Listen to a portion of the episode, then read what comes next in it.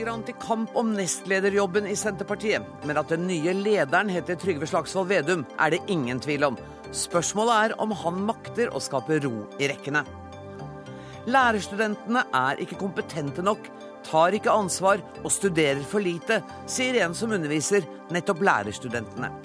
De fleste studenter jobber mye mer enn en vanlig arbeidstaker, svarer leder for Norsk studentorganisasjon. Spørsmålet er ikke hvor mye Marte Gerhardsen får i lønn, men hvor partiene blir av. Tankesmiene kan bli et demokratisk problem, mener politisk kommentator.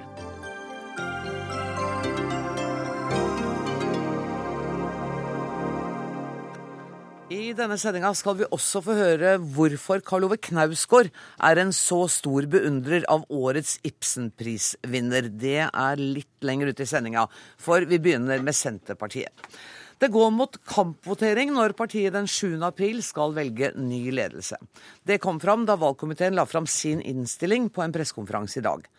Mens alle er skjønt enige om at Trygve Slagsvold Vedum skal bli leder, er valgkomiteen splittet når det kommer til nestlederen. Et flertall vil ha Anne Beate Tvinnereim, og et mindretall holder fast på uh, Ola Borten Moe. Gratulerer Trygve Slagsvold Vedum med stor tillit, i hvert fall fra valgkomiteen. Ja, Tusen takk for det. Åssen har denne dagen vært? da? Jeg har sett på sosiale medier at det har brust litt rundt deg? Ja, det har vært veldig mye hyggelige tilbakemeldinger, da. Men jeg begynte dagen i dag med en eh, heftig politisk debatt om kull i oljefondet. Og så er jeg sånn sammenskrudd at jeg er så politisk interessert. Så når jeg er der, så er det det som måtte er hele verden. Men eh, så ble jeg fort revet ut, og da var det min egen person som ble vurdert, og det var jo hyggelige vurderinger i dag. Ja. Er du redd for det fallet som det kan innebære å være leder, særlig for Senterpartiet? Nei, egentlig ikke sånn type så er jeg ikke helt sånn sammenskrudd at jeg er så veldig redd for det. For Noen ganger når jeg er litt sånn stressa, så pleier jeg å si til meg sjøl altså, kona mi er glad i meg, og unga er friske. Eh, og en toppjobb i politikken, den er krevende, eh, men du må ta det som det det er. Og jeg er helt sikker på at jeg skal få et eh, godt lag sammen med meg. Og sammen skal vi klare å løfte partiet. Har du elefanthud nok til å stå i det som er blitt kalt gjørmebryting og skitten slagsmål i Senterpartiet? jeg er ikke en type som har veldig sånn elefanthud. Det er veldig lett å se hva jeg føler, hva jeg tenker, hvordan jeg er. Men det er sånn jeg er òg. Og sånn må jeg også være som partileder, med de styrker og svakheter det gir. For å prøve å spille en annen, det blir ikke ekte. Og jeg, jeg har sånn grunnleggende tro på at i politikken skal du få tillit, eh, så må du framstå troverdig over tid. Eh, og hvis du prøver å spille en annen person enn den du er, være en annen leder enn den du er, så, så går det deg dårlig. Jeg ønsker å framstå som en raus leder og være en raus leder. Og være en leder som fremmer politisk debatt og har lave skuldre i forhold til at det er mange meninger i et parti, og at det skal være mange meninger i et parti. Går det an å være en sentral lederskikkelse i Senterpartiet i dag uten å ta stilling i kampen mellom det som er de to hovedfløyene, da? Altså, egentlig, hvis man har liksom skreller bort en del av de overskriftene, så er vi i en privilegert situasjon. For vi har tre veldig dyktige kandidater som har lyst til å bli nestledere. Eh, det hadde vært verre hvis det var motsatt. Eh, Også når det blir sånne persondebatter, så politiserer man det mer og mer. Så det overdrives veldig motsetningene, for da er det lettere å skrive artikler, lettere å gjøre analyser. Om det vært en grunnleggende stor motsetning i partiet, eh, så hadde jeg vært mye mer bekymra. Men nå handler det veldig mye om person og litt om sak. Eh, og jeg er sikker på at når landsmøtet fatter sitt eh, vedtak 7.4, så er alle, uansett hvilken kandidat de har i første omgang, innstilt på at de skal jobbe sammen. Men selvfølgelig vil noen være skuffa. Men det, er, det, her er partidemokrati. Og på et visst tidspunkt så må et valg tas, og nå skal det tas 7.4. Men øh, hvem vil du helst jobbe Dette er spørsmålet du har lengtet etter å få i hele dag. Mm. Hvem har du mest lyst til å ha som første nestleder? Anne Beate Tvinnereim eller Ola Borten Moe?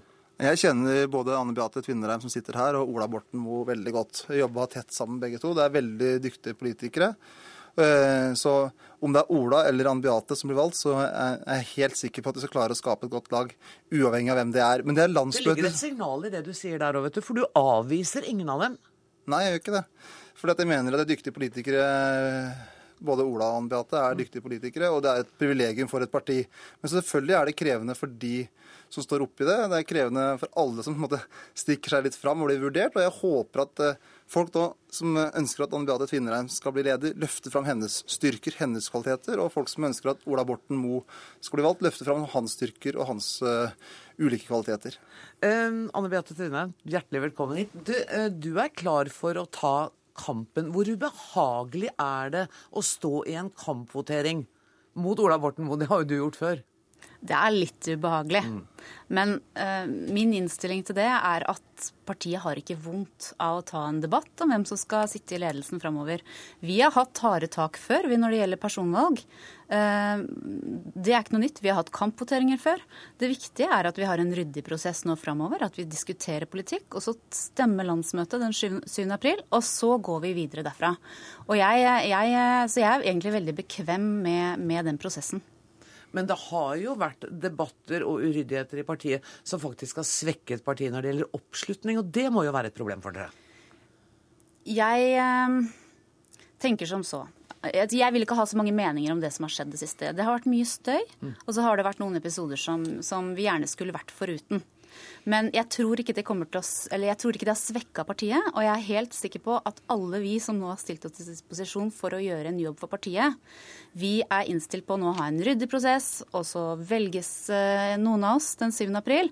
Og alle vi har eh, et mål for øye, få Senterpartiet større og bygge opp rundt Trygve Magnus som, som, leder. Hvis det skulle gå slik at du ikke ble første nestleder, du, har du sagt deg villig til å gå inn i jobben som andre nestleder? Jeg vet jo, jeg sa til valgkomiteen at eh, det er veldig stas hvis partiet har lyst til å bruke meg i en posisjon. Jeg har ingen krav utover det.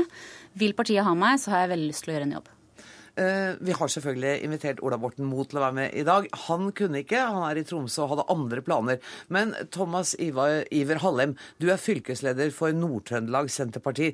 Eh, hvordan reagerte du da du så eh, valgkomiteens innstilling? Da snakker jeg ikke om lederposisjonen, men om første nestleder. Nei, altså, det, Jeg må jo starte med å gratulere Trygve med innstillinga til å bli leder i partiet. og Det er særdeles gledelig at han eh, er så tydelig i måten han har tenkt å lede partiet framover. Og Likeens må jeg jo si det at eh, jeg må jo gratulere alle som er nominert inn i, i valgkomiteens arbeid og som skal på valg eh, den 7. april. Og at vi nå er inn i en ny fase for partiet der at vi skal framsnakke de kandidatene som vi brenner for. og at Eh, landsmøtet den 7. april skal avstemme det, og så skal vi gå derifra og bygge partiet videre oppover. Det er jo hyggelig å høre, for framsnakking har jo ikke akkurat vært det som er kjennetegnet dette partiet. Men uansett, Hallem, så er det vel faktisk sånn at du skulle ønske at det blir Ola Borten Moe som blir første nestleder?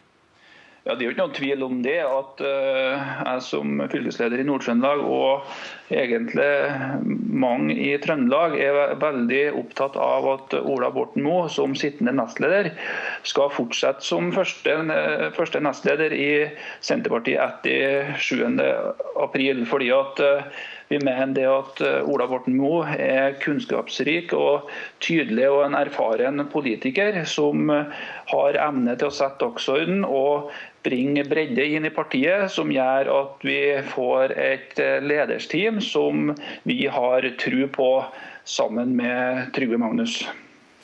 Anne Beate Tvinnereim, ettersom jeg har forstått, eh, så er det helt åpent. Det er ingen som nå kan spå med sikkerhet hvordan dette kommer til å gå. Kommer du til å drive en aktiv valgkamp? Jeg kommer til å eh, benytte alle de anledningene som byr seg til å si hva jeg mener er veien videre for partiet, hvilke saker jeg brenner for, og hvordan jeg tror jeg kan bidra. Så sånn sett, ja, så kommer det til å bli valgkamp. For det, det er ikke noe å legge skjul på at du er mindre kjent eh, fra det politiske liv enn Trygve Slagsvold Vedum. Men du har brei erfaring fra diplomatisk arbeid. Det er kanskje en nyttig kunnskap å ha med seg? Jeg jobber jo i Midtøsten-seksjonen, så jeg er vant til å håndtere konflikter, jeg. Men jeg har også jobba aktivt i Senterpartiet i ulike posisjoner siden jeg var en 13-14 år. Jeg, og, og, som Trygve sa i stad, eh, vi, vi, kjenner hverandre jo fra før, vi har jobba sammen før. Eh, og det er mer eh, som eh, forener oss enn som skiller oss, vi som stiller til valg. Men, men det er noen nyanser. Mm. Og sjøl så brenner jeg for eh, bl.a. å eh, blankpusse den grønne profilen til Senterpartiet. Jeg er opptatt av en tøffere linje i forhold til EU- og EØS-spørsmål. Og så tror jeg at det er viktig at vi tydeliggjør at Senterpartiets politikk er like viktig og relevant for folk som bor i tettbygde strøk av landet, som i det som man oppfatter som typiske distrikt. Så det er klart at det er, eh, det er jo politiske nyanser, og det her er en politisk debatt som skal gå framover. Da er det jo mer enn litt sånn personlige nyanser som skiller Trygve Slagsvold Vedum. Hun vil gjerne eh, blankpusse den grønne profilen. Eh, Ola Borten Moe er vel mer kjent som en kraftentusiast, og ikke så opptatt av det grønne, kanskje?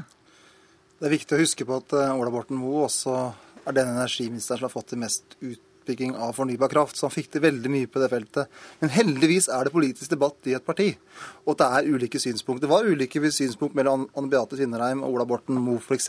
i diskusjonen om Lofoten og Vesterålen. Mm. Og det hører hjemme i et parti, og jeg håper at vi skal skape kultur for debatt.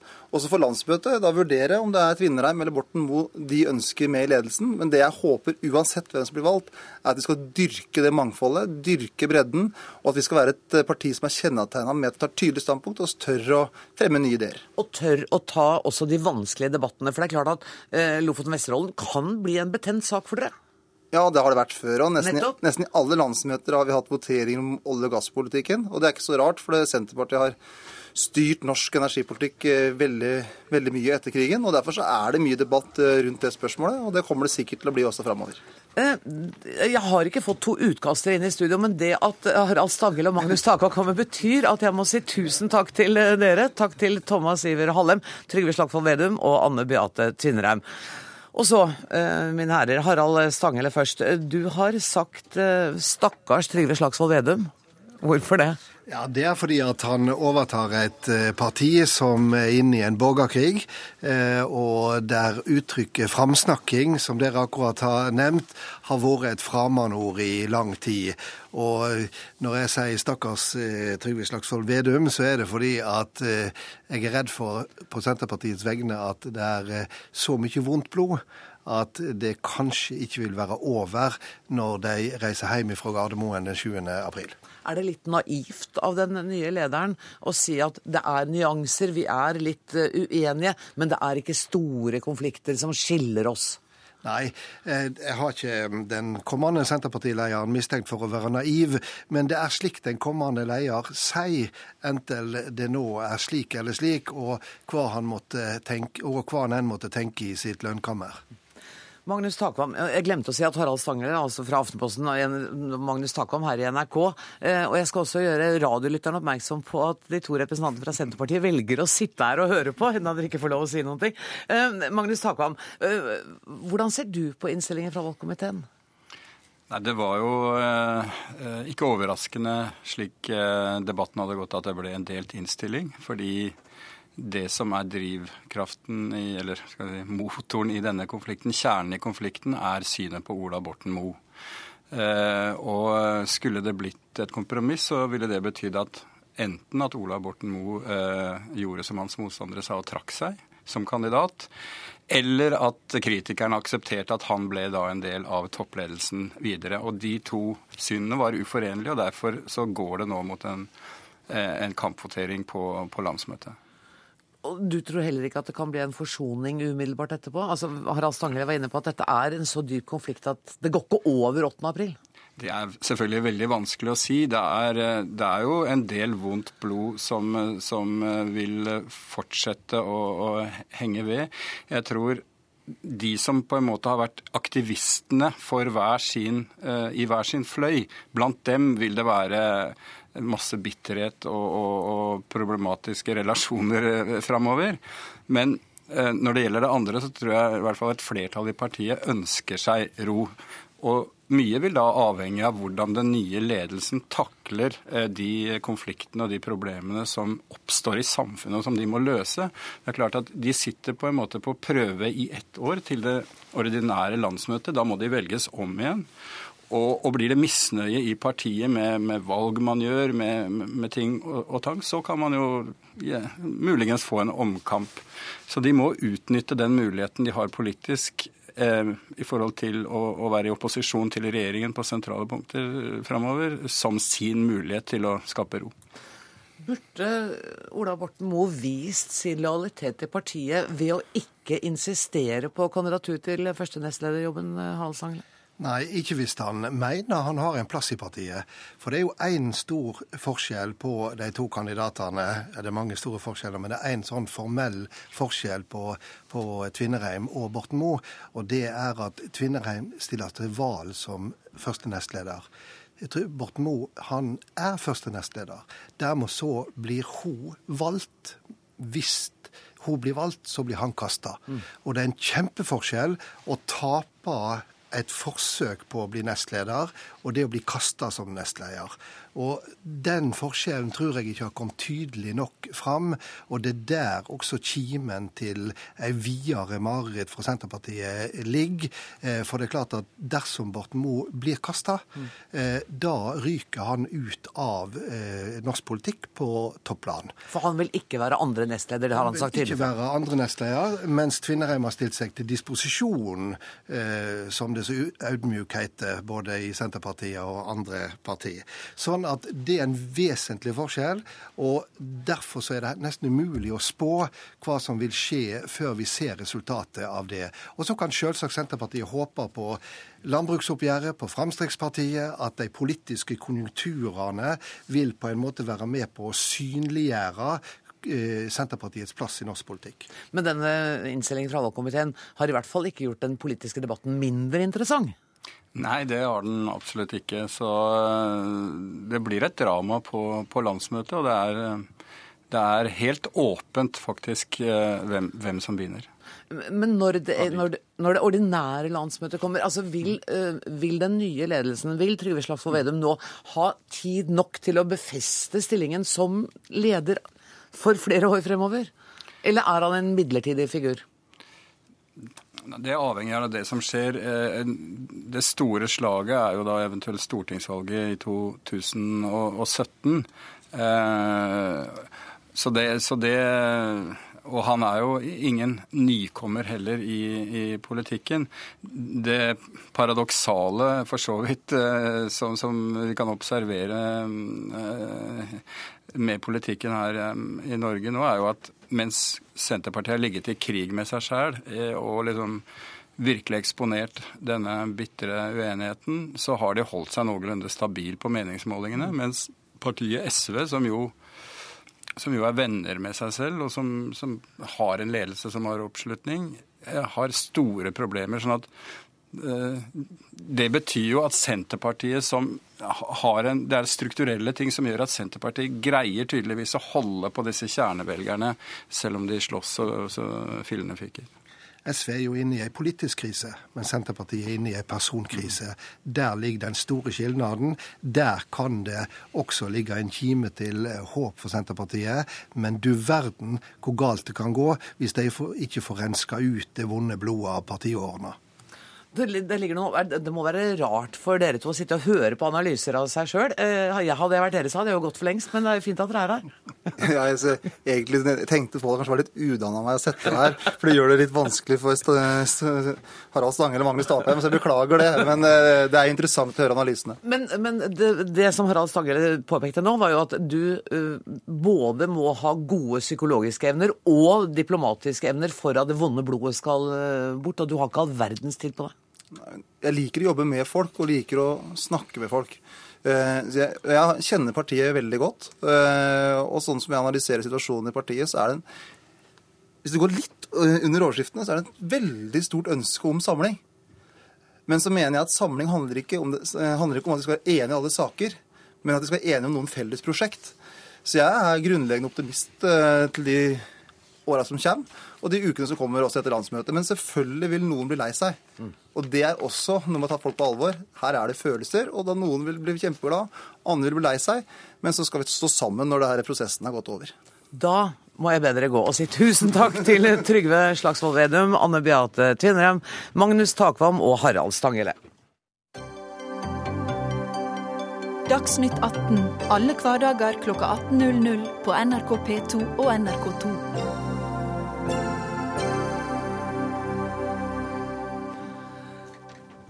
Studentene på lærerutdanningen er blant dem som jobber minst med studiene. Langt mindre enn gjennomsnittsstudenten. Det kom fram i en analyse gjort av Norsk organ for kvalitet i utdanningen. Claes Jostein Clausen, du er førsteamanuensis ved Høgskolen i Oslo og Akershus og underviser lærerstudenter. Du er bekymret over undersøkelsen, og du har sagt til en kollega av meg i dag også at lærerstudentene ikke er kompetente nok og ikke tar ansvar nok for egne studier. Ja, jeg har sagt det. og jeg bare innledningsvis si at dette er jo ikke nye tall, fordi vi så på dette her for tre år siden. Kan ikke du komme litt nærmere mikrofonen? Eh, vi så på dette her for tre år siden, og det er noenlunde de samme tallene. Så det har ikke skjedd noe. og Jeg er litt usikker på hva utdanningen har gjort. Men jeg syns det er svært alvorlig og bekymringsfullt at unge mennesker bruker, eh, studerer på halvtid på fulltidsstudier. Jeg syns det er eh, problematisk i forhold til at de ikke bruker tida si. Og jeg har ikke lyst til at de jeg vil at de skal bli gode lærere for mine barn, og jeg vil at våre skattepenger skal bli brukt fornuftig. Sier du det til dem? Ja. Hva svarer de? Ja, Det er jo ikke så veldig populært, da, vet du. Du er den mest forhatte underviseren Nei, det er jeg nok definitivt ikke, men det deler seg nok litt. Ja. Eh, mange liker det svært godt. Mange li uh, ungdom liker å bli behandla som voksne, ansvarlige mennesker. Du har sagt at um, uh, disse studentene ikke har kompetanse nok når det gjelder det å studere. Men er det ikke nettopp den kompetansen dere skal gi dem? Jo. Men det er klart at vi overtar jo studentene fra videregående. Og videregående utdanning jo, har jo sitt å stri med, da, for å si det forsiktig. Så det, vi, det som er vår utfordring, er jo å ta imot de studentene vi får, og bidra til at de får arbeidsvaner som gjør at de studerer fulltid på fulltidsstudier. Men kunne det være en tanke, eh, for denne regjeringen er jo opptatt av å kanskje gjøre studiet femårig. For å gjøre eh, lærerne, når de kommer ut, bedre kvalifisert. Er det en måte å løse dette på? Ja, Nei, det er jo definitivt ikke en løsning. altså At de skal studere halvtid i fem år istedenfor halvtid i fire år. Det er jo ikke noe løsning. Løsningen måtte jo være at de skal studere fulltid i fem år, sånn at vi skal få, få veldig gode lærere. Og det er du for? Ja, det, ja, jeg tror vi kan si det. Ola Magnussen Rydde, du er leder for Norsk studentorganisasjon. Lærerstudentene studerer på halvtid, sier eh, denne rektoren. Ja, altså nå er ikke på, på generelt grunnlag da, for å snakke om studentene, eh, så er det jo en sånn en latskapsdebatt eller det er om en arbeidsvanedebatt eller et eller annet som kommer opp. Jeg mener at det ikke er det det handler om. da. Eh, debatten om tidsbruk på studier det handler om to ting. Det handler om krav, og det handler om rammer. Vi må stille strenge krav til studentene. Vi skal stille strenge krav til institusjonene. Og vi må ha rammene som gjør at dette er mulig. Eh, og med rammer så mener jeg at vi må ha en veiledning og en oppfølging og en faglig kontakt mellom studentene og mellom eh, faglærer eh, som jeg har ved siden av meg, og vi må ha en økonomi, økonomiske rammer som gjør at vi har muligheten til å studere på heltid. Men, det har vi ikke i dag. Der, jeg tenkte at der, den, De faglige rammene, for å ta det før de økonomiske, der er vel dere helt enige? At det må være bedre oppfølging, bedre kontakt mellom student og foreleser? Eller? Ja, men altså, det er jo et grunnleggende problem. Det er vanskelig med oppfølging hvis studentene ikke er der. Og det er, Vi må nok si det som det er, at det er et problem at forelesningssaler er halvfulle eller halvtomme, alt etter hva man vil si da. Så Det er et grunnleggende problem. Men det er jo klart at jeg mener definitivt ikke at, det er som, at ungdom i seg selv er som kommer fra videregående, er arbeidssky og noen slabbedasker. Altså, Vi får unge mennesker som har søkt et studium, og vi skal, burde, ta, burde, få til at de jobber med det studiet. Og da vil de ha mye mer glede av det selv. Det viser seg at det er jo en nær relasjon mellom eh, de som jobber, er de som eh, trives. De som jobber lite, er de som eh, trives minst. Og så har du da en annen side som ikke er nevnt her. Og det er jo at vi har et frafall fra lærerutdanningene som jo er illevarslende. Altså én av tre forsvinner i løpet av to år. Rydde, dette er jo et problem. Ja, altså Frafallsproblematikken er helt klart til stede. Men jeg har bare tenkt å ta den med uh, akkurat dette med faglig kontakten og møte opp. Uh, fordi uh, det er sånn f.eks. På, på Universitetet i Oslo at 50% av de som studerer på HF eller SV-fakultetet, aldri snakker med en professor i løpet av i løpet av studietiden sin. Og Jeg pleier å oppfordre alle norske studenter når jeg prater med dem, eller når jeg holder foredrag i lærerdebatter, til å gå opp én gang i uka og snakke med faglærer. Da hadde vi fått systemkollaps, fordi systemet er ikke lagt opp til at vi skal ha en så tett kontakt, eller hvis man kaller det en så tett kontakt. da. Eh, Der vi er nødt til å gjøre et eller annet med rammene som ligger opp til at vi får bedre veiledning og oppfølging. Og da er den, eh, den eh, undersøkelsen som vi har sett på nå, den viser jo at hvis vi har mer veiledning og oppfølging, så får vi en bedre gjennomstrømning også. En veldig interessert og tålmodig kunnskapsminister sitter her nå, Torbjørn Røe Isaksen. Hva syns du om denne debatten? Syns du læreren her er litt gammeldags, eller? Nei, jeg syns det er en veldig god debatt, men jeg ville stilt ett veldig sentralt spørsmål. Og det er, og det er hva slags karakterer får disse studentene? For Hvis vi ser på karaktersnittet i Norge, så ser vi at to tredjedeler av studentene får karakteren C eller bedre. Og C er da regnet som en god karakter. Og Da må man jo stille spørsmålet til institusjonene. Hvis det er sånn at man kan få karakteren C eller bedre i to tredjedeler av, av tilfellene ved å studere 25 timer i uka, så er jo ikke problemet at studentene studerer for lite. Altså, dette er jo ikke bare, man er jo ikke bare nyttemaksimerende eh, individ, men allikevel, hvis man kan få en god karakter ved å studere 25 timer i uka, så betyr jo det at forventningen institusjonen har til studenten også er for lav. Da må Clausen få lov å svare Nei, på det. Jeg syns han har et uh, kjempegodt poeng. Uh, det syns jeg er et tankekors. og Det vanlige argumentet man har når det gjelder dårlig innsats, er at vi tar dem til eksamen. Eller da faller de gjennom, de som ikke jobber med studiene sine. Men det er, er nok ikke helt slik. Nei, Sånn at så det er, eksamen er egentlig lagt opp til at du skal klare deg med 25 timers studie i uka? Nei, den er ikke lagt opp til noe som helst, men den er jo lagt opp til en slags normalit- eh, normalfordeling av hva som er gjengs kunnskapsnivå. Eh, ikke sant? Sånn at Det er nok ikke slik at det er jo ikke objektive, Eksamen eh, er jo ikke basert på objektive kriterier, men på et skjønn som har en basis i hva lærerstudenter på det og det eh, årstrinnet kan. Dessuten så glemmer jo eh, Isaksen at her er det penger med i bildet, da. Og der sitter jo han sentralt. Ja, og det, selvfølgelig så er dette, dette er også en diskusjon om uh, at man har tilstrekkelige midler til å finansiere f.eks. nær og god kontakt med, mellom de vitenskapelige ansatte og studentene. Det er en diskusjon om undervisning obligatorisk eller ikke. Altså, det er mange ting her. Men, men jeg mener at uh, fordi det veldig lett uh, sporer av til en debatt om at studentene ikke yter nok, så er mitt spørsmål hvis man ikke yter, altså hvis man kan gjøre det bra uten å yte spesielt mye, Ja, det er det eh, så er jo det noe som spiller tilbake på institusjonene. Og den rapporten som kom i går, som gikk gjennom lærerutdanninga, sa at en del var veldig bra, men veldig mange hadde utfordringer. Den retter jo en del ganske store utfordringer mot nettopp institusjonene. Og det er viktig. Men jeg syns jo ikke svaret på det der med karakter, for jeg syns det er rart at du kan få se og bedre eh, ved å ikke møte opp til undervisning. Og så sier du Klausen at ja, men det handler om en slags sånn gjennomsnittsberegning, og det er ikke objektivt. Går det ikke an å gjøre de rammene litt klarere, da? Jo ja, men er- jo, altså jeg forstår det. Eh, og det burde ikke være sånn. Nei. det er klart at eh, nå, snakker ikke jeg på vegne av norsk lærerutdanning, for jeg jobber på en av dem. Ja. og er vel kanskje ganske kritisk til mye av det som eh, skjer, og har sett det her over, over mange år. Men, men eh, eh, det er jo penger inn i bildet, og det er, altså alt, det er altfor mange som ser seg tjent med at situasjonen er som den er. Og den har vært sånn over eh, en del år. Og Det syns jeg politikerne bør ta tak i. Og så får de eventuelt si til, til, til høyskolene at dere må få noen andre system. Dere må ta imot studenter på en helt annen måte. Dere må stille andre krav. Men så kan jo være problemet at hvis de stiller enda mer krav, så får man jo eh, at de slutter. Og det blir jo en ny situasjon, men jeg syns jo og det er, jo, det er jo politikernes eh, utfordring, dette. Og det er nettopp derfor jeg har ønsket å dra i gang denne debatten. La- For at si- de skal ta tak i dette. Ja, la, oss si, la oss si begge deler, da. For at jeg er helt enig at det er et politisk ansvar også. Og vi skal gjøre det. Vi gjør det. Jeg gjør det nå. Og det er å stille krav til institusjonene om at de må forvente mer. Og jeg tror vi er veldig enige i det, nettopp at det har noe med hva slags faglige forventninger og hva slags faglig kultur er det på en institusjon.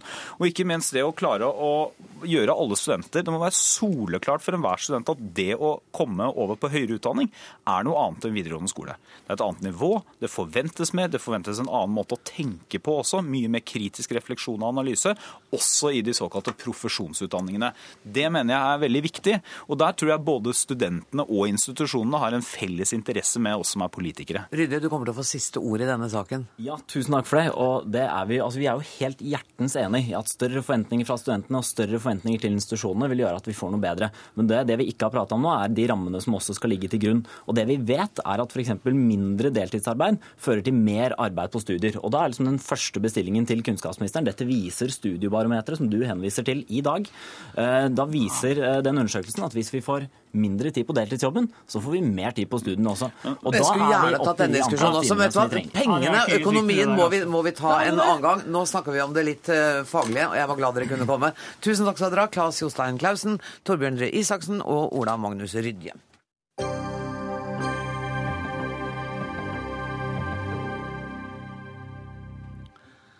Denne uken arrangeres afghansk uke i Oslo. Selv om situasjonen for kvinnene i landet har blitt bedret de siste årene, så er faktum at det fremdeles bare er 4 av kvinnene som går på videregående. Det har også blitt bygget flere skoler, men for mange unge jenter er skoleveien lang og utrygg, og foreldrene velger å holde dem hjemme. Kristin Solberg, du er utenrikskorrespondent i Aftenposten, og du har vært i Afghanistan og har skrevet mange gode artikler fra landet. Eh, vi valgte i dag å se på Det er mange aspekter ved Afghanistan som vi kunne ha sagt om, vi har valgt å se på kvinnene. Hvordan vil du vurdere unge kvinners situasjon i dag? Ja, det blir jo eh, en, en grov generalisering, vil jeg si. Eh, I et land med 30 millioner mennesker så er det også veldig stor eh, forskjell mellom by og land. Er du en byjente i Kabul fra en liberal familie nære en skole, så har du langt flere rettigheter i dag enn det du hadde i 2001. Da var det bare 5000 afghanske jenter under Taliban som fikk lov, lov til å gå på skolen. Nå er det tre millioner. Så det er en stor økning. Men likevel så er det slik at vi fremdeles har 50% av jentene som ikke går på skolen. Og altså da 4% bare som når videregående. Så er du en jente på landsbygden i dag, så er det slett ikke sikkert at du ser noe til de fremskrittene som vi liker å snakke om her hjemme, og som gjelder eh, stort sett for kvinner i byene. Vi ser også selv like utenfor Kabul så er det jenteskoler som blir bombet, brent ned, lærerne truet, eh, slik at de må stenge den. Og det skjer ennå. Eh, samtidig så er det slik at det er vanskelig med tilgang til helsetjenester, selv om det også er blitt bedre. Men på landsbygden er det fremdeles veldig, veldig vanskelig. Ja, F.eks. så er vel spedbarndødeligheten gått ned. For den var vel radikalt høy, og det var vel også mødre som døde i barsel, altså barseldød? Ja. I 2001 så var det slik at ett av fire barn i Afghanistan døde før de fylte fem år. Og det døde en kvinne i barsel i Afghanistan hver halvtime. Det var slik at det var faktisk 200 ganger Eh, mer sannsynlig eller større risiko for at en afghansk kvinne døde av graviditetskomplikasjoner enn av kuler og bomber. Og det hører vi ikke så mye til eh, fra dette landet. Det har gått ned, eh, og, og, det er blitt bedre, men det er likevel sånn at hvis du snakker med en afghansk kvinne på landsbygden i dag og spør henne hvor mange barn du har, og hvor mange barn du har født, så er de tallene ofte ganske forskjellige. Torunn Wimpelmann, du er forsker ved Christian Michelsen institutt, og du kom hjem fra feltarbeid i Kabul på fredag. Ehm, jeg går ut fra at du bare vil understreke alt det du har hørt nå. Ehm, hva, kan, hva er det viktigste Vesten kan gjøre for å bidra til å bedre den situasjonen? Nei, altså det, som Kristin sier, så er situasjonen veldig sammensatt. Kan du også komme litt nærmere mikrofonen? Ja. Um, som Kristin sier, så er det en veldig samme situasjon. Uh, på landsbygden så er det først, først og fremst uh, sikkerhetsutfordringen som er vanskelig for kvinner. At uh, du ser nå at i og med at det er blitt så ustabilt i mange områder, så er det mange kvinner som ikke lenger får lov å jobbe, som familien holder det hjemme. skole, helsetjenester. Eh, så, Der har jo selvfølgelig de vestlige styrkene prøvd lenge å få en bedret sikkerhetssituasjon. Det har um, blitt, vist seg å vært veldig vanskelig. I byene så, så, går det mye bedre. Uh, og Der tror jeg at man ser nå Jeg er ganske optimistisk. Man, mange som har vært redd for at det skulle være et konservativt tilbakeslag når de vestlige drar. at Kasai og hans etterfølgere ville da på en måte benytte sjansen til å gjeninnføre mye av de reguleringene som man hadde, som var dårlig for kvinner. Men, men det tror jeg ikke. Eh, Når vi ser på valgkampen, f.eks., så er det ingen som har utmerket seg ved å være veldig konservativ eh, i forhold til kvinner. Eh, så- Men er det, er det da slik å forstå, spør dere begge, at den utviklingen som man ser begynnelsen til, med at det nå er flere millioner jenter som går på skole, at helsevesenet er blitt bedre, at den snøballen lar seg ikke snu? Nå, nå går det i riktig retning? Kan man være så optimistisk? Jeg vil, jeg vil være så optimistisk, ja. Med mindre noe skjer på, med at det blir eh, en mye forverret sikkerhetssituasjon og krigen tar seg opp enda mer enn den, det vi ser i dag. Og det vet vi jo ikke om, men Kristin Solberg, du er enig i det? Er det, Ja, er det grunnlag? Der er jeg, jeg, jeg, vet ikke helt om jeg er enig. Jeg klarer ikke helt å bli enig med meg selv faktisk på det. Men jeg, jeg tror også, og det, det er det jeg får ofte spørsmål hva tror du vil skje med afghanske kvinner? Men det er som Torunn sier, dette henger sammen med alt mulig annet. Og krig, altså krig kamper, usikkerhet og vold og, og kollektiv vold, det går jo også utover kvinners situasjon. Er det slik at man har bygget skoler, lærerne er der, men er det så mange kamper at man ikke kommer seg dit, så spiller jo ikke det så stor rolle. Eh, Sammen med helsetjenester. Er det masse veibomber på veien, så spiller det ikke så stor rolle om det finnes en klinikk der, for man kommer seg ikke dit likevel. Det samme er at vi ser en, eh, det er en Afghanistan går en veldig usikker økonomisk eh, tid i møte. Når, når internasjonale styrker trekker seg ut, så går mye av bistanden trekker seg også ut. Um, og vi, ser, vi kommer til å se at mange kommer til å miste jobbene sine. Uh, F.eks. flybasen Bagram i eh, den amerikanske flybasen Bagram. Når og hvis den stenger, så er det 50 000, ca. 50 000 afghanere som mister jobben sin. eh, og som vil slite med å få jobb et annet sted. Og dette her er gjerne familier som bare har én inntekt. Og da ser vi jo da, eh, når en familie får dårligere råd, så går jo det også nødvendigvis utover kvinnene. Man kan ikke se kvinners rettigheter som en isolert øy i, i et hav. Uh, Tore Vimpeland, eh, er, er den økonomiske situasjonen i Afghanistan så eh, vaklende eller så utrygg at den kan eh, være med på å ødelegge det som nå er i ferd med å bygges opp? Ja, altså Den økonomiske situasjonen er veldig um, lite bærekraftig. Uh, Takk, det var det uttrykket jeg lette Ja. um, altså, veldig store deler av statsbudsjettet kommer fra utenlandsk bistand. Um, og eh, veldig mange arbeidsplasser som kvinner har, er, er bistandsfinansiert. Eh, så det vil, eh, det vil være en veldig stor bekymring. Og jeg tror det, I byene så er det det som bekymrer folk mest for tiden. Og det vil jo da også kunne bidra til at konfliktene blusser opp igjen. Ja, altså Det er jo fortsatt sånn i Afghanistan at det er på en måte mannen som skal være forsørger. Eh, og veldig mange er redd for at når man begynner å miste arbeidsplasser, så er det kvinnene som mister jobben først. At det, på en måte, man ser at det er lettere å, å la en kvinne gå i og med at hun ikke er sett på som ha, å ha det samme forsørgeransvaret. Tusen takk for at dere ga oss dette innblikket i eh, afghanske kvinners liv. Takk til Kristin Solberg, takk til Torunn Wimpelmann. Hør Dagsnytt 18 når du vil. Radio NRK NO.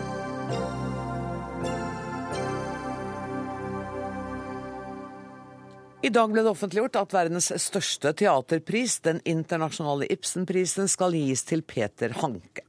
Ifølge juryen får han prisen for et livsverk som er uten sidestykke når det gjelder formell skjønnhet og briljant refleksjon.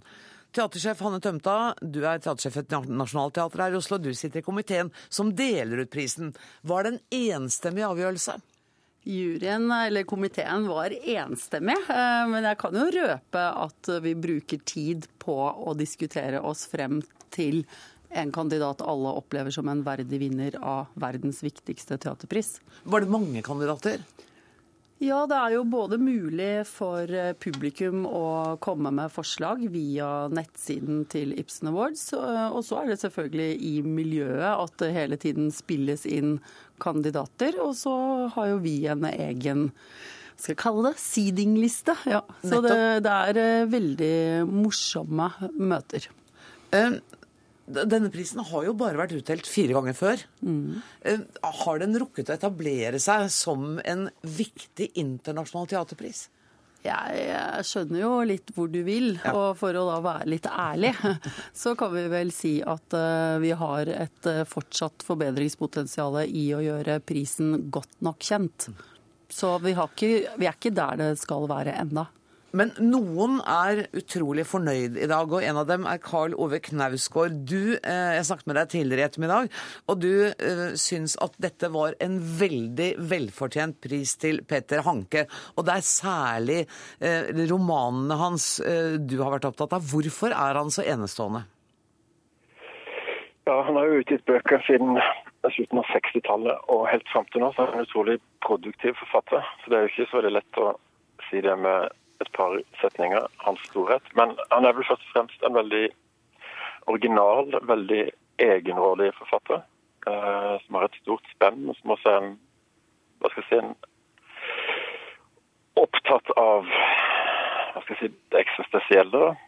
Så han, han er et slags, en slags påminnelse om hvor litteraturen kan gå. Han går dit ingen andre går, tror jeg jeg kan si.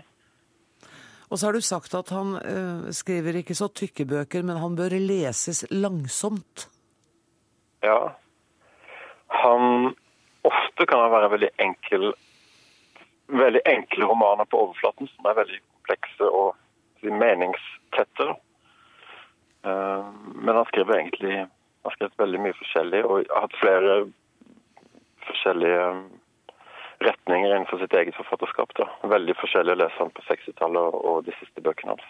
Eh, Men det er jo fordi at han er ekstremt søkende da, hele tida i det han gjør. sånn at han kommer jo stadig på nye, nye steder.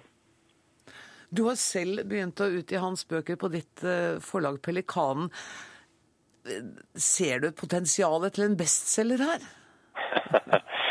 Eh, nei, han er jo, hva skal jeg si, dypest sett en veldig antikommersiell eh, forfatter. Han, han, han er opptatt av forholdet mellom våre forestillinger om virkeligheten og virkeligheten. Eh, og i det så ligger det at våre romaner er en forestilling om virkeligheten, ikke sant? som er kanskje tett på noe stereotypt veldig ofte, som gir sammenhenger som kanskje ikke egentlig finnes andre steder enn i romanen. da. Så hans romaner er også alltid en slags antiroman.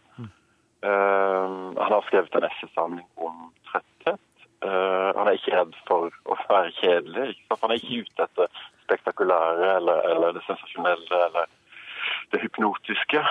Men han er ute etter det vakre da, ofte. Så at han kan være forferdelig vakker innimellom. Sånn at det er en forfatter som Det er en stor belønning å lese han, tror jeg vil si. Det er verdt investeringa. Det koster litt å lese han, men, men det er verdt det. Eh, Hanne Tømta, eh, Karl Ove Knausgård snak snakker om essayisten og romanforfatteren, men, men hvorfor er han så viktig for teater? Det er jo nettopp fordi at han, kanskje som Knausgård sier, har vært en uberegnelig dramatiker også.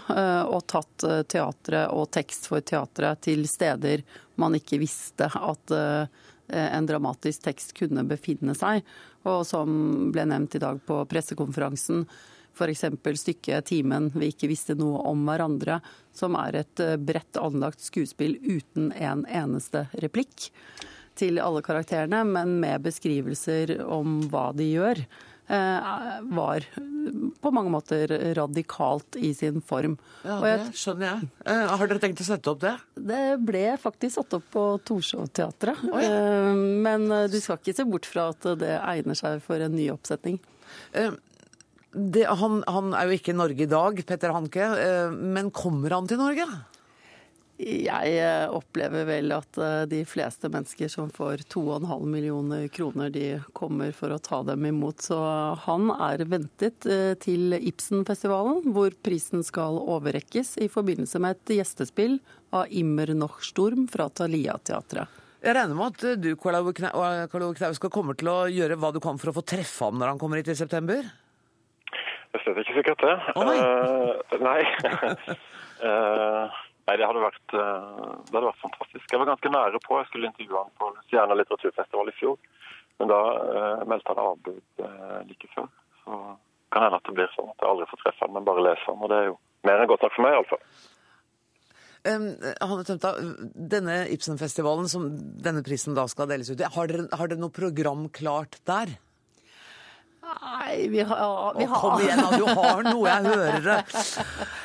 Nei, jeg tror at uh, jeg kan si at uh, for første gang på mange år så skal et av Ibsens uh, mest kjente stykker spilles på hovedscenen. Det er tidligere blitt gjort på Nationaltheatret med veldig kjente far og sønn i, i de store rollene. og Alexander Mørk Eidem har regien, så det er bare å glede seg til årets Ibsenfestival. Ja, Så Per Gynt kommer altså, men vi får ikke vite noe mer? Nei, jeg, jeg vet at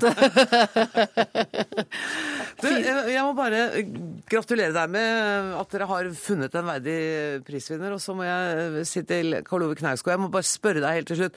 Hvis jeg nå skal gå og kjøpe én roman av Peter Hanke, kan jeg bare få et veiledende råd av deg? Det er best å begynne med den siste, som Pelikanen utga i, i høst, som heter 'Det store fallet' som handler om en dag i en skuespillers liv. Full av overraskelser. Som livet selv. Tusen takk for at du var med i Dagsnytt 18, Karl Ove Knausgård. Takk også til eh, Hanne Tømta. Eh, vi skal gå og kjøpe Det store fallet.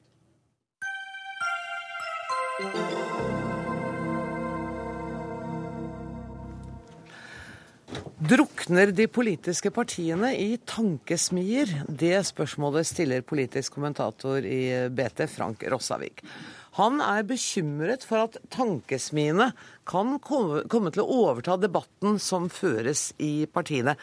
Frank Rossavik, kommentator i BT, og rett hit fra å møte i Kringkastingsrådet. Eh, eh, hva er det som er så bekymringsfullt med tankesmiene? Altså, ifølge skolebøkene så er jo eh, eh, politisk idéutvikling og, og, og, politiske prosesser, programprosesser, alt dette er jo noe som foregår i partiene. Og det er jo lenge siden har vært realiteten. Eh, partiene har jo mista sin evne til å tiltrekke seg folk, holde på folk, organisere folk, være sentrum for politisk idéutvikling. Det er ikke tenketankenes skyld, men tenketankene er en, er en konsekvens av det. Gjør det noe? Ja, Det gjør jo noe, eh, i hvert fall for eh, skolebøkene som eventuelt må omskrives. og for partiene, kanskje? Og, og for partiene, kanskje. Partiene blir jo stadig eh, mer av en sånn type nettverksorganisasjoner som maktutredningen i 2003 allerede var opptatt av. Opptatt av å stille med nok folk, holde liv i lokallag, gjøre sånne veldig sånne praktiske ting. Og, og, og, det som måtte være politiske og ideologiske debatter, det er noe man, man, kan gjøre i tillegg hvis man har overskudd til det. Så at partiene risikerer å bli ideologisk blodfattige, mens ideene blomstrer i tenketankene. Geir Lippestad, eh, styreleder i Agenda. Han har jo rett, Rossavik, i at det er en overflytting av eh, det idéskapende politiske arbeidet fra partier til tenketanker. Jo, på en måte, men det vi skal være veldig klar over, er at tankesmiger, tankesmier eller tanke, tenketanker er jo ikke politiske partier. Vi har ikke en ideologi og et eh, partiprogram som vi skal fremme, men skal være mer åpne og forsøke å finne løsninger på ja, store spørsmål som fremtidig velferdsstat, eh, arbeidsmiljøpolitikk osv., uten å være bundet opp i partipolitikk. Og Det er det som skiller oss fra et politisk parti. Men dere har jo et politisk eh, rotfeste. Eh, Agenda ja. har jo det. Ja, Agenda er helt klart et rotfeste verdiståsted i sentrum-venstre norsk politikk. Det er helt åpenbart. Men er det ikke sånn at Arbeiderpartiet tenker litt at åh, det der er problematisk, vi overlater det til Agenda? Agenda, så kan de få tenke litt, og så kan de komme tilbake til oss, og så kan vi fatte noen beslutninger. Nei, ikke sånn som jeg kjenner Arbeiderpartiet. Der er det så mye idéutvikling og så mye sterke meninger, så sånn er det ikke. Men det eh, vi tvert imot helt sikkert kommer til å gjøre, det er å kritisere Arbeiderpartiets politikk eh, på mange områder. Vi må eh, tørre å, å diskutere store utfordringer fremover. Så, så, og det kan vi gjøre uten å ha en, en partiprogram som vi må forholde oss til. Um Eirik Løkke, du er rådgiver i eh, Civita. Eh, hvor mange tenketanker ser du for deg at det er rom for i dette lille landet vårt? Ja, Det er jo et godt spørsmål. Eh, det vil jo for så vidt tiden vise. Men at du har eh, en tenketank som dekker de ulike politiske posisjonene, det tror jeg det er godt rom for. sånn at det spørs om det er plass til alle, eller så veldig mange tenketanker på både venstre- og høyresiden. Men ja, de tenketankene som er i dag, tror kanskje de har en framtid foran seg. Jeg. Men denne, dette uh, går ut fra at dere alle har lest uh, Rossaviks innlegg, uh, hvor han snakker om at det er en privatisering av den ideologiske debatten. Ja, Det er jeg veldig uenig i. Eh, Iallfall for eh, Civitas del så er veldig mye av det vi gjør, er jo nettopp i det offentlige rom. Vi ønsker jo eh, tvert imot ikke å være private. Vi ønsker jo å påvirke den offentlige debatten og være en premissleverandør for det politiske ordskiftet. Og nå vil jo tiden vise om kanskje også partiene kan bli litt inspirert av tenketankene. For jeg tror Rosvik har et poeng i at for offentligheten så ser det kanskje mer idéfattig ut i partiene, men innad i partiene så foregår det fremdeles veldig mange spennende debatter. Men det er jo klart at man har jo vanskeligere som partipolitiker, spesielt når man sitter i regjering og på Stortinget og snakker like fritt som man kan gjøre i eh, tenketankene. Mimmi Kristiansand, du er, redaktør i tidsskriftet Manifest. Eh, Du er heller ikke så bekymra for at eh, tenketankene skal tappe det ideologiske blodet fra, fra partiene? Jeg tror nok at Rossevik har rett i det han beskriver. Jeg tror bare at han er litt vel alarmistisk eh, rett og slett i hvor alvorlig det er. Eh, Det som jeg er enig med Frank i, det er at det er klart at det er et problem hvis de i partiene som ønsker å tenke utenfor boksen, trives mye bedre med å gjøre det andre steder, forsvinner ut, og da blir igjen takhøyde i partiet mindre, og så får man på en eller annen måte en ond spiral. Men det er jo ikke tenketanken alene som har skylden for dette. Det er jo hele politikkens vesen har jo blitt sånn at man i mye større grad Eller man mangler politikere i Norge som tenker samtidig som de snakker, og som ikke bare leverer ferdigtygde fraser. Og partier er blitt mye større grad styrt av å tekkes velgere og den slags. da. Men, har vi ikke et problem hvis all ideologisk debatt skal foregå mellom dere representanter for tenketankene? Jeg ser for meg nå at Dagsnytt 18 framover nå, så skal det være dere fire som kommer hele tida. Det tenker jeg ikke bra. Men da har vi, et, har vi helt åpenbart et kjempeproblem, og heldigvis er det ikke sånn. Men det viktige er også i hvilken grad tenketanken er kobla på de mange organisasjonene og partiene som allerede finnes. og Sånn som eh, både Manifest, for så vidt, som er finansiert av mange lokale fagforeninger, eh, Agenda, som har fått støtte fra LO, nå er det ikke så mye medlemsorganisasjoner, men det er i hvert fall noen redere som de representerer i Civita. Alt dette her kobler seg jo på en eller annen måte på andre ting i virkeligheten. og Så lenge tenketankene er kobla på eh, virkeligheten, og ikke bare svever av gårde i tanken, så er ikke det noe stort problem. Lipstad. Jeg tenker at Vi kommer ikke til å sitte her og diskutere politikk. Det kommer politikerne til å gjøre. Det er de som fatter beslutninger, det er de som eh, er viktige, og det er de som styrer Norge. Men, men tenketankene selvfølgelig kan være de som løfter spørsmål uten å ha svarene på forhånd. ikke sant? Og, og være åpne for uh, mulige nye løsninger. Det tror jeg vi trenger. Og jeg tror også det er bra Jeg ser absolutt Frank sitt uh, poeng, men jeg tror det er bra at folk engasjerer seg i samfunnsspørsmål. Om det er gjennom blogger eller tenketanker, eller om det er gjennom politikk eller på annen måte. Det er en mye større mulighet nå for å engasjere seg i samfunnsspørsmål nå enn før, og det tror jeg er bra. Ja, men, men det er jo nettopp det som Rossavik snakker om, at det er en privatisering av den ideologiske idéskapningen. Ja, altså, Dette er partienes problem, det er ikke tenketankenes problem. Altså, Partiene klarer ikke å holde på folk. De klarer ikke å tilby de arenaene for, uh, for debatt som, som, politisk interesserte mennesker vil ha. Uh, og da går de til andre ting. Til, uh, til informasjonsrådgivning, rådgivning, lobbyisme eller tenketanker. Jeg husker f.eks. i 2003, når det var, eller når, det var, når Magnus Marsdal hadde kommet ut med den Rett Venstre, eller hva den boka het, som var svært interessant, og som la en plattform for han. Det var det mange som ønska at han skulle engasjere seg i SV eller i Rød valgallianse, som det het den gangen. Men, men, han ville ikke det.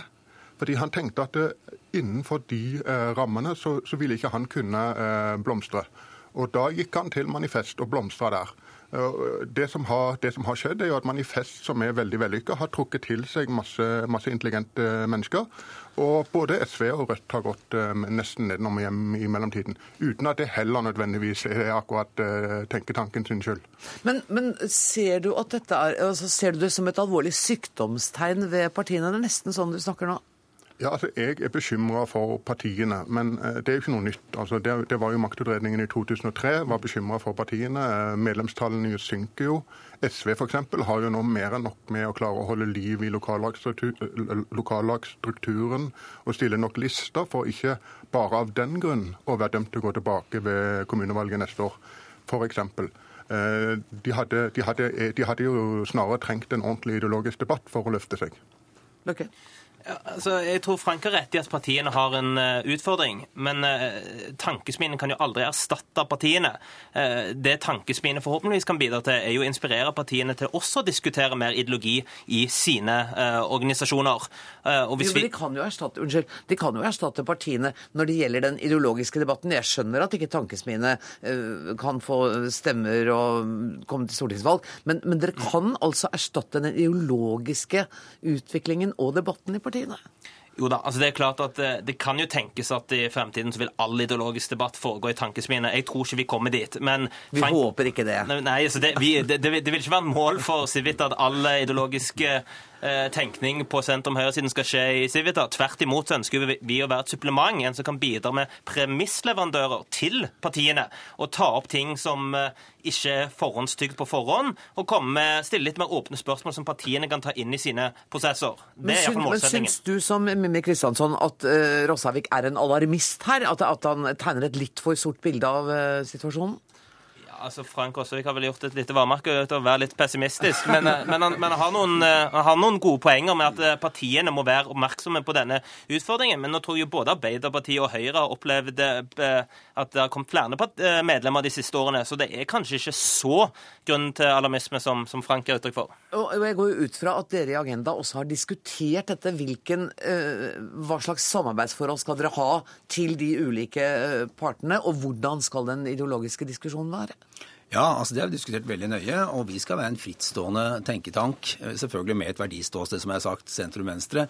Så vi skal ikke eh, se for mye på partiene på venstre side, men prøve å tenke fremover og prøve å løfte viktige, altså vonde debatter eh, som, som gjelder f.eks. hvordan skal velferdsstaten vår se ut fremover, som kanskje ikke partiene kan ta i, for de skal tenke på neste valg. Det behøver ikke vi. Det er ingen som skal stemme på, på oss, og det er en fordel.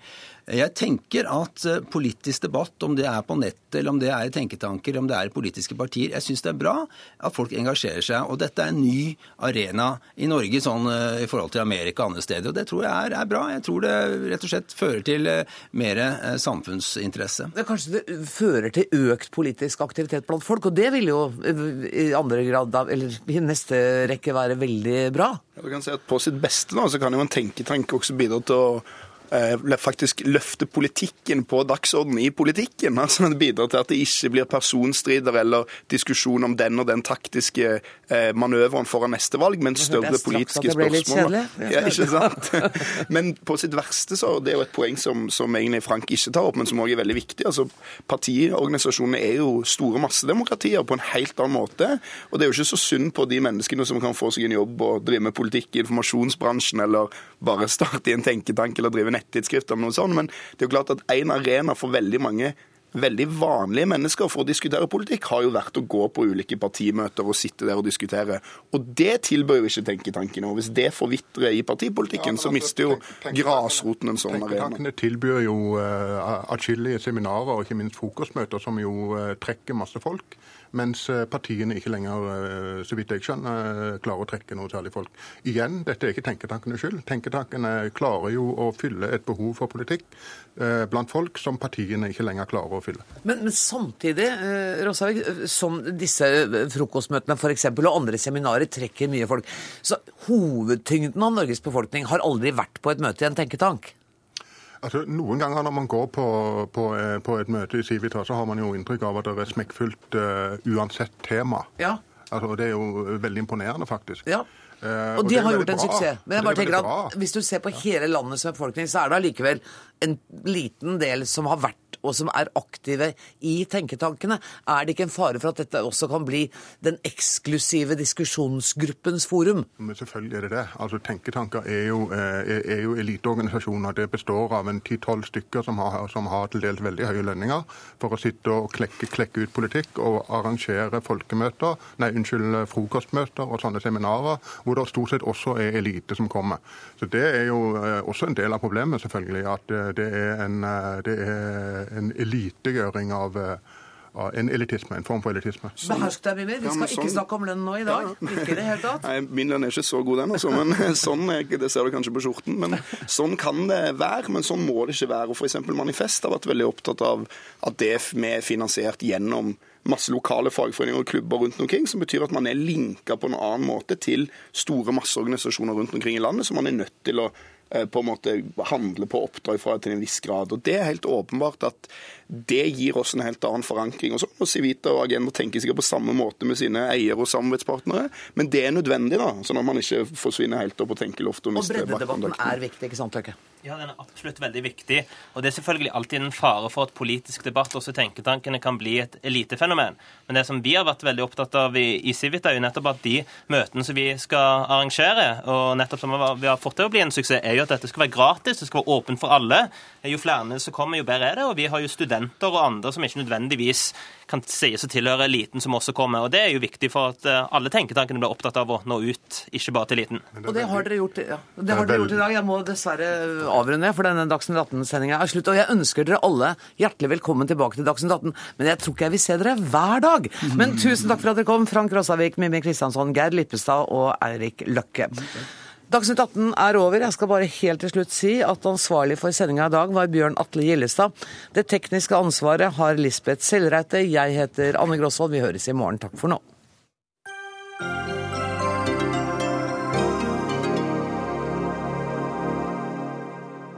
Hør flere podkaster på nrk.no podkast.